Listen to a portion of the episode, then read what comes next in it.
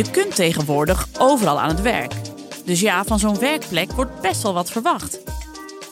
Duurzaamheid, flexibiliteit, persoonlijke voldoening. Dit wordt steeds belangrijker voor werknemers. Het is tijd voor het kantoor van de toekomst. Een plek waar je je echt welkom voelt. Maar hoe ziet dat kantoor eruit? Welkom bij het nieuwe kantoor. Een podcast van HNK. Met een vernieuwd kantoorconcept vormt HNK het kantoor van de toekomst. Mijn naam is Nienke de Jong en in deze podcast ga ik elke aflevering in gesprek met een expert. Ik praat in 12 afleveringen met hen over onder andere geur, circulair meubilair, muziek en klantervaring. Aan het einde van deze podcastreeks volledig te ervaren op drie nieuwe HNK-locaties. Deze aflevering spreek ik met Thijs van der Burgt. Thijs is zeven jaar geleden begonnen met Office App, een bedrijf dat een digitaal platform levert voor kantoren en bedrijven. Office App is sindsdien overgenomen door HQO, een grote speler op het gebied van digitale platformen voor bedrijven. Ik spreek Thijs, heel toepasselijk, digitaal, om te praten over de digitalisering van kantooromgevingen. Thijs, wat fijn dat je er bent. Nou ja, dat je er bent. Uh, wij gaan een gesprek hebben over digitalisering van het kantoor. En dat is wel heel toepasselijk, want wij zitten op enorme afstand van elkaar. Wat doe jij in Boston in Amerika? In Amerika.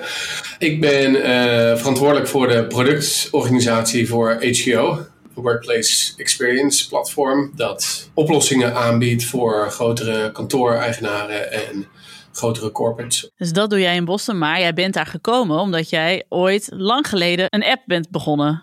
Ja, ik ben zeven jaar geleden uh, ben ik uh, met Office App begonnen. Dat was een vergelijkbaar concept. Alleen wij waren de grootste in Europa en HCO was de grootste in, in Amerika. Een jaar geleden hebben we de keuze gemaakt om overgenomen te worden door HCO. We beginnen helemaal bij het begin. Uh, jij was een jongen van, van, rond de 30 dan, hè, denk ik ongeveer. Ik had gelezen, jij had al wat bedrijven gestart. Maar ik kan me zo voorstellen, op een dag bedenk jij, er moet iets komen zoals Office App. Hoe is dat gegaan? De eerste echte start-up die ik opzette, die is goed gegaan. Dus die heb ik voor een oké bedrag verkocht. En toen ben ik eigenlijk met dat geld een nieuw bedrijf gestart.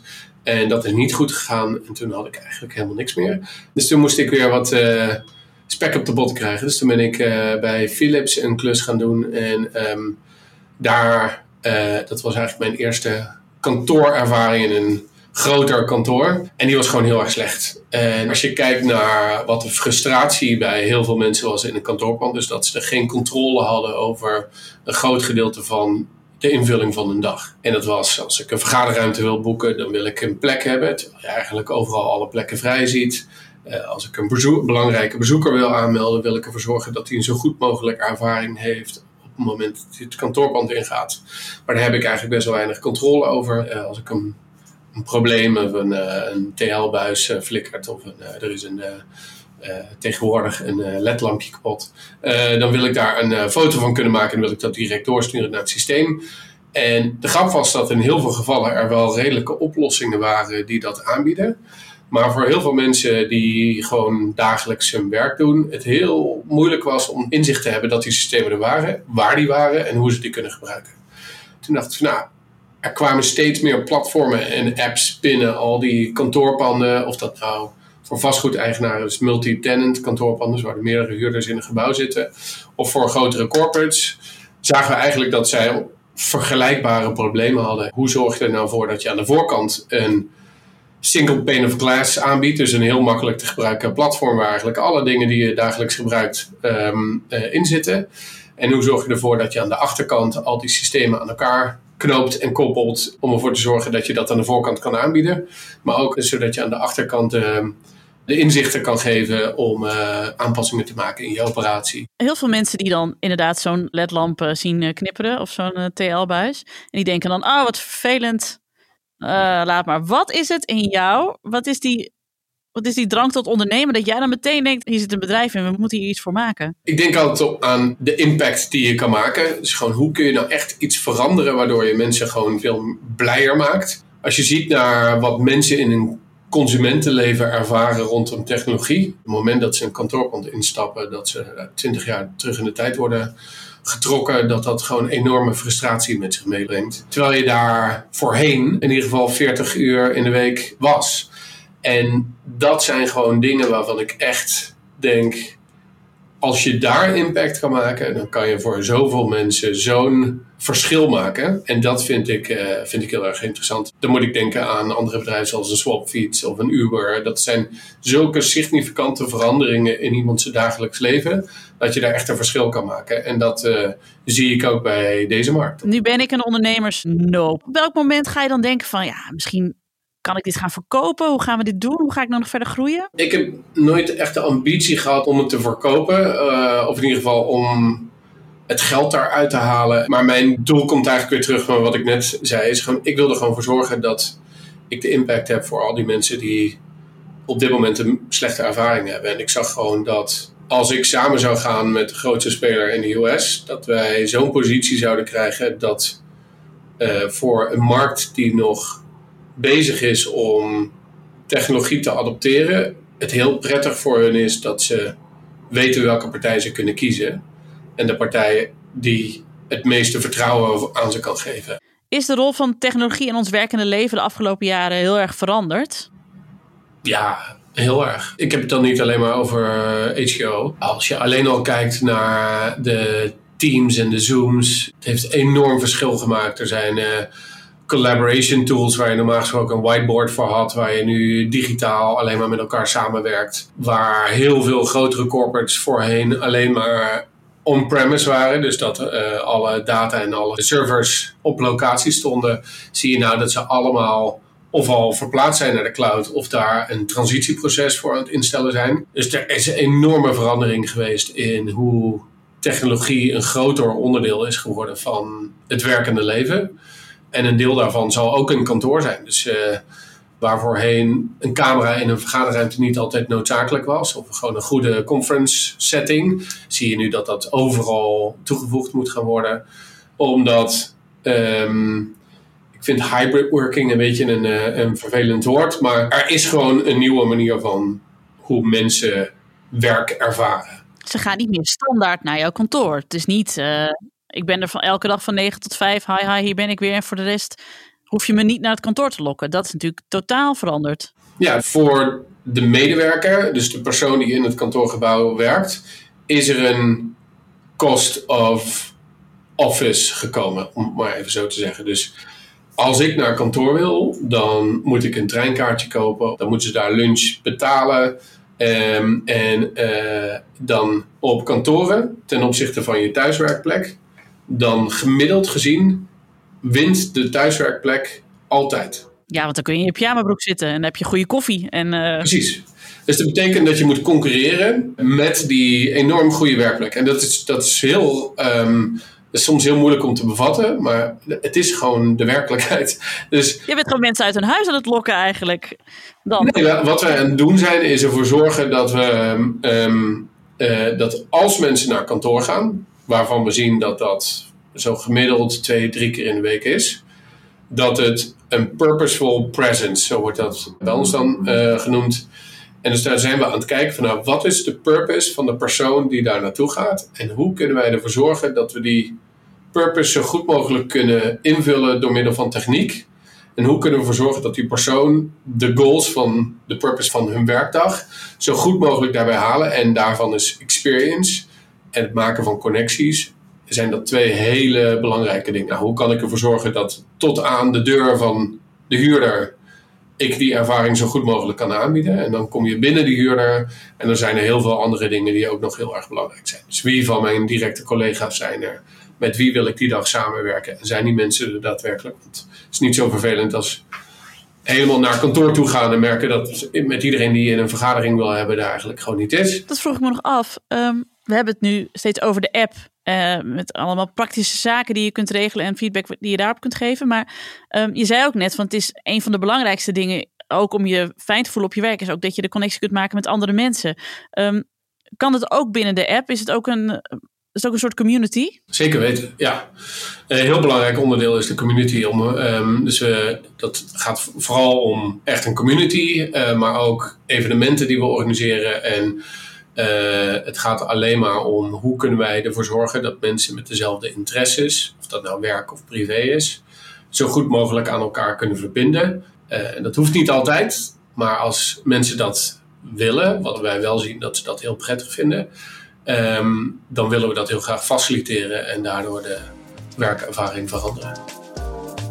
Met een app wordt de klantervaring op kantoor alleen nog maar beter. Een slim kantoor met een app is dan ook erg belangrijk in het vernieuwde HNK-concept. Robert legt uit wat die app allemaal kan. Ha, ik ben Robert en ik ben de afgelopen jaren bezig geweest met het nieuwe HNK-concept. Op weg naar kantoor zit ik vaak in de trein. En dan droom ik regelmatig over een lekker kopje koffie dat ik later op mijn werk ga drinken. Hoe fijn is het dat er gewoon een app bestaat die ervoor zorgt dat de barista jouw favoriete koffie klaarmaakt terwijl jij het kantoor binnenloopt. Dat biedt onze HNK-app. Daar zijn al onze mogelijkheden verzameld op jouw telefoon. Met een druk op de knop boek je je favoriete meetingroom of meld je je gasten aan. En die app is er niet zomaar. Een van onze pijlers is gemak. Je komt naar kantoor om je collega's te zien, om samen te werken. Of je hebt juist die belangrijke deadline en je wil geconcentreerd aan de slag. Dan wil je je niet bezighouden met randzaken zoals in de rij staan bij het restaurant. Maar je wil je lunch online bestellen en afhalen wanneer het jou uitkomt. Dat is dan ook wat we voor ogen hadden toen we in samenwerking met het bedrijf HQO onze HNK-app ontwikkelden. Voor ons biedt het de mogelijkheid om direct contact te hebben met onze gebruikers en op basis van data keuzes te maken binnen onze gebouwen. Waar we vroeger vooral contact hadden met directeuren of office managers, hebben we nu een directe link met alle gebruikers binnen onze gebouwen en kunnen we veel gerichter vragen naar hun wensen en hun ervaringen. Oké Thijs, als we weer teruggaan naar Office App. Wat waren nou, jij noemde al eventjes uh, de knipperende TL-buis. Wat waren nou nog meer van die zaken waarvan je zegt... oké, dat moeten we gewoon op één plek centraal regelen. Uh, en daar hebben we gewoon echt een, een handige app voor nodig. We hebben best wel uitgebreid onderzoek op een gegeven moment gedaan. En daar kwam uit naar voren van... wat is nou het grootste probleem wat mensen hebben als ze in een kantoorpand zijn? En hetgene wat daaruit naar voren kwam was being in control. Dus gewoon controle hebben over je werkdag. En de grap is voor ieder kantoorpand, of dat nou een landlord is, een vastgoedeigenaar of een corporate. Dus ze hebben één gemene deler. In ieder kantoorpand is er een andere behoefte van functionaliteiten. Dus het belangrijkste wat wij moesten aanbieden is flexibiliteit. Dus we hebben een hele rij aan features die we kunnen inzetten om bepaalde problemen op te lossen. Dus bij het ene kantoorpand hebben ze heel weinig lokale restaurants of uh, lunchtentjes om de hoek. Bij de andere hebben ze een groot restaurant, maar hebben ze ook heel veel mensen in het kantoorgebouw. En is het om 12 uur sta je soms een kwartier in de rij. Je hebt uh, evenementen die worden georganiseerd, maar er komen veel te weinig mensen op af, omdat eigenlijk niemand ervan weet. En dus geen middel om dat door te laten.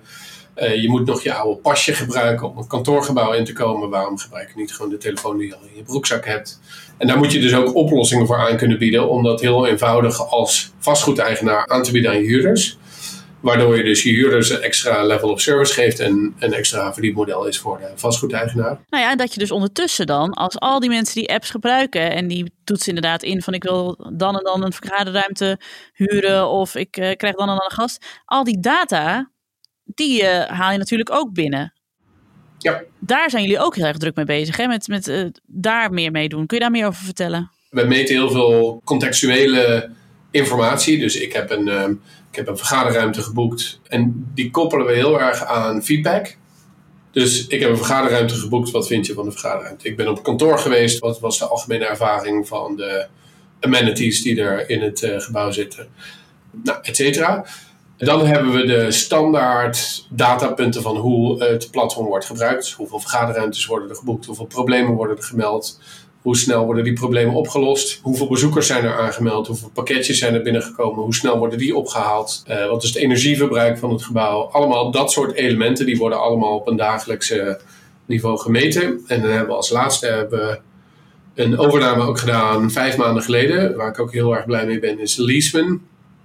En Leaseman is het grootste benchmark van workplace experience van uh, mensen. Ze hebben miljoenen aan datapunten om te meten hoe mensen een kantoorpand ervaren en wat de benchmark daarvan zou moeten zijn om een zo goed mogelijke experience in een kantoorgebouw aan te bieden. En die benchmark, die koppelen wij eigenlijk aan onze functionaliteit. Dus wij geven inzicht op basis van de resultaten van de survey, waar zou je kunnen verbeteren om die ervaring in het kantoorgebouw te verbeteren? Kun je ook nog een, een voorbeeld geven van een situatie waarin data zeg maar, op een kantoor uh, heeft geholpen om, om de goede keuzes te maken? Nou, we hebben natuurlijk de Leaseman, maar we hebben ook gewoon een feedback tool die we kunnen implementeren. Daarbij kunnen we direct vragen uitsturen naar alle mensen in het kantoorgebouw en zeggen van nou, wat zijn redenen waarom je niet terugkomt? Of, of iets meer uh, specifieker vragen van, vanuit de data zien we dat er heel weinig gebruik wordt gemaakt van het bestellen van broodjes of koffie of andere dingen. Terwijl in de omgeving daaromheen dat wel wordt gedaan. Dus dan kan het zijn dat juist de services die verleend worden niet op het niveau zijn.